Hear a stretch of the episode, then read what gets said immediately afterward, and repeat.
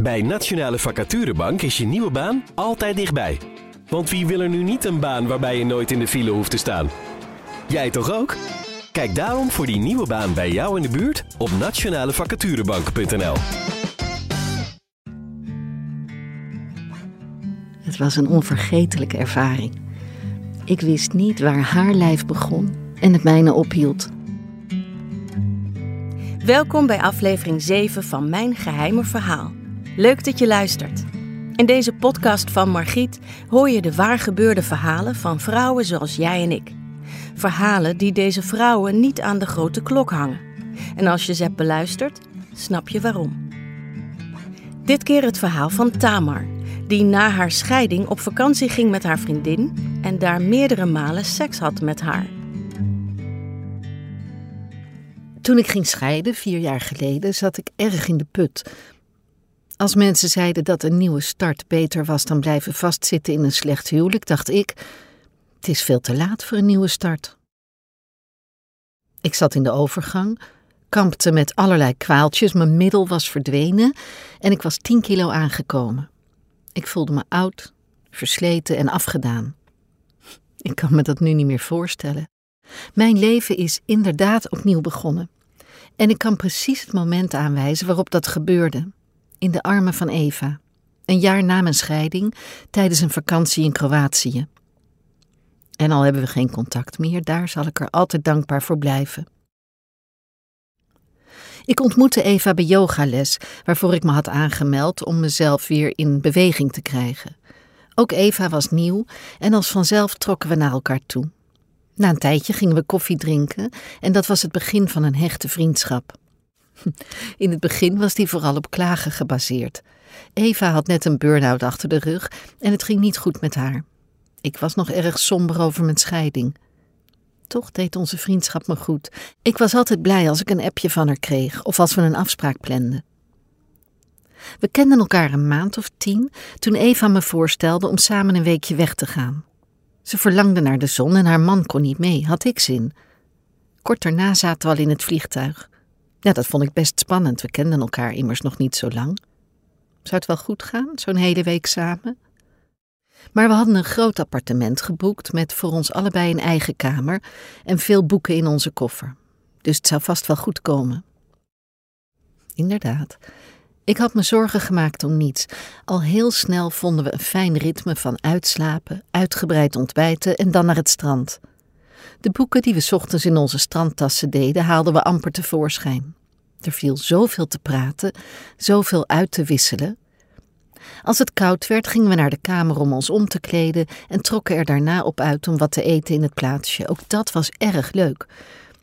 Ik voelde een levenslust in mezelf die ik al lang niet meer had gevoeld.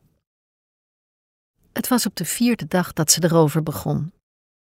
We hadden het over vroegere seksuele ervaringen en opeens vroeg Eva: Heb jij het wel eens met een vrouw gedaan? Ik moest blozen. Niet omdat het een gekke vraag is, maar omdat er iets in haar toon was wat me meteen van slag bracht. Nee, zei ik, nog nooit. Toen zij vertelde dat ze biseksueel was en ze voor haar huwelijk ook veel ervaring had opgedaan met vrouwen, besefte ik dat ik dit ergens altijd al had geweten. Op de een of andere manier was ons contact anders geweest dan met andere vriendinnen. Soms net een tikje flirterig. Onbewust had ik daar ook anders dan anders op gereageerd. Zo blij als ik altijd was geweest met appjes van haar of een onverwacht complimentje. Daar zat een lading op. Onder haar blik voelde ik me altijd speciaal. Na dit gesprek veranderde de sfeer. Er hing opeens een erotische spanning. Dat verwarde me enorm. Ik had zoiets nog nooit eerder meegemaakt met een vrouw, maar het zorgde ook voor vlinders in mijn buik. Toen ik me die avond stond op te maken en goed in de spiegel keek, vond ik mezelf opeens weer aantrekkelijk en sensueel. Iets wat ik al jaren niet meer over mezelf had gedacht. We aten in een klein restaurantje en dronken allebei iets te veel. We praten en giechelden en voerden elkaar hapjes van onze gerechten. Pas om één uur s'nachts liepen we naar huis.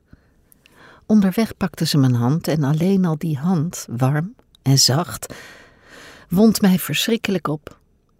In het appartement besloten we nog even op het terras te gaan zitten. Maar de wijn die we inschonken hebben we niet meer aangeraakt. Want plotseling voelde ik haar lippen op de mijne. Ik wil jou helemaal voelen, fluisterde ze. Mijn lichaam begon te tintelen van verlangen. We zijn naar mijn slaapkamer verhuisd en daar hebben we elk plekje van elkaars lijf geliefkoosd. Het was een onvergetelijke ervaring, zo anders dan alles wat ik eerder had meegemaakt. Ik wist niet eens meer waar haar lijf begon en het mijne ophield. We hebben de hele nacht liggen vrijen en ook de nachten die volgden. Ik leefde volledig in een roes. Ik weet niet of ik echt verliefd was, maar ik voelde me wel bruisen, alsof er een fles champagne in mijn lijf was opengetrokken. Als we op het strand zaten en ik in haar ogen keek, begon mijn hart sneller te kloppen. De laatste avond kwam ik met een klap terug op aarde. Eva vertelde dat ze echt verliefd op me was geworden en dat dat helaas betekende dat we elkaar thuis beter niet meer konden zien. Zij had haar man, haar kinderen. Daar wilde ze niemand naast. Dat zou te complex worden. Ik heb tranen met tuiten gehuild. Ik had nog helemaal niet nagedacht over hoe het thuis weer moest. Maar het laatste wat ik wilde was dat zij uit mijn leven zou verdwijnen. We zien wel, suste ze, terwijl ze me vasthield. En uiteindelijk hebben we toch nog een heerlijke nacht gehad. Maar thuis stopte ze met yoga en belde me steeds minder vaak. Daar ben ik verdrietig om geweest. Maar tegelijkertijd wist ik dat het goed was. Dit mocht inderdaad niet ingewikkeld worden of mensen pijn gaan doen. Bovenal was ik dankbaar voor wat ze me had gegeven, deze fantastische nieuwe ervaring. Door haar zag ik weer een compleet andere vrouw in de spiegel. Ik vond mezelf weer mooi, had mezelf herontdekt als seksueel wezen. Ik voelde me weer jong genoeg om open te staan voor allerlei nieuwe dingen. En vanaf dat moment is het alleen maar beter met me gegaan.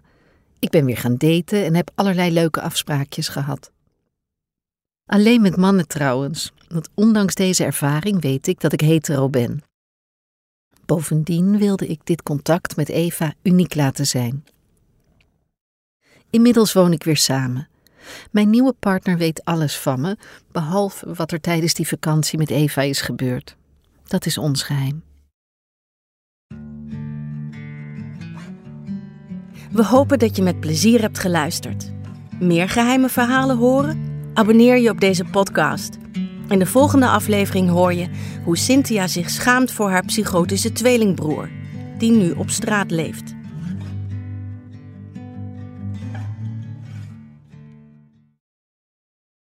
Bij Nationale Vacaturebank is je nieuwe baan altijd dichtbij.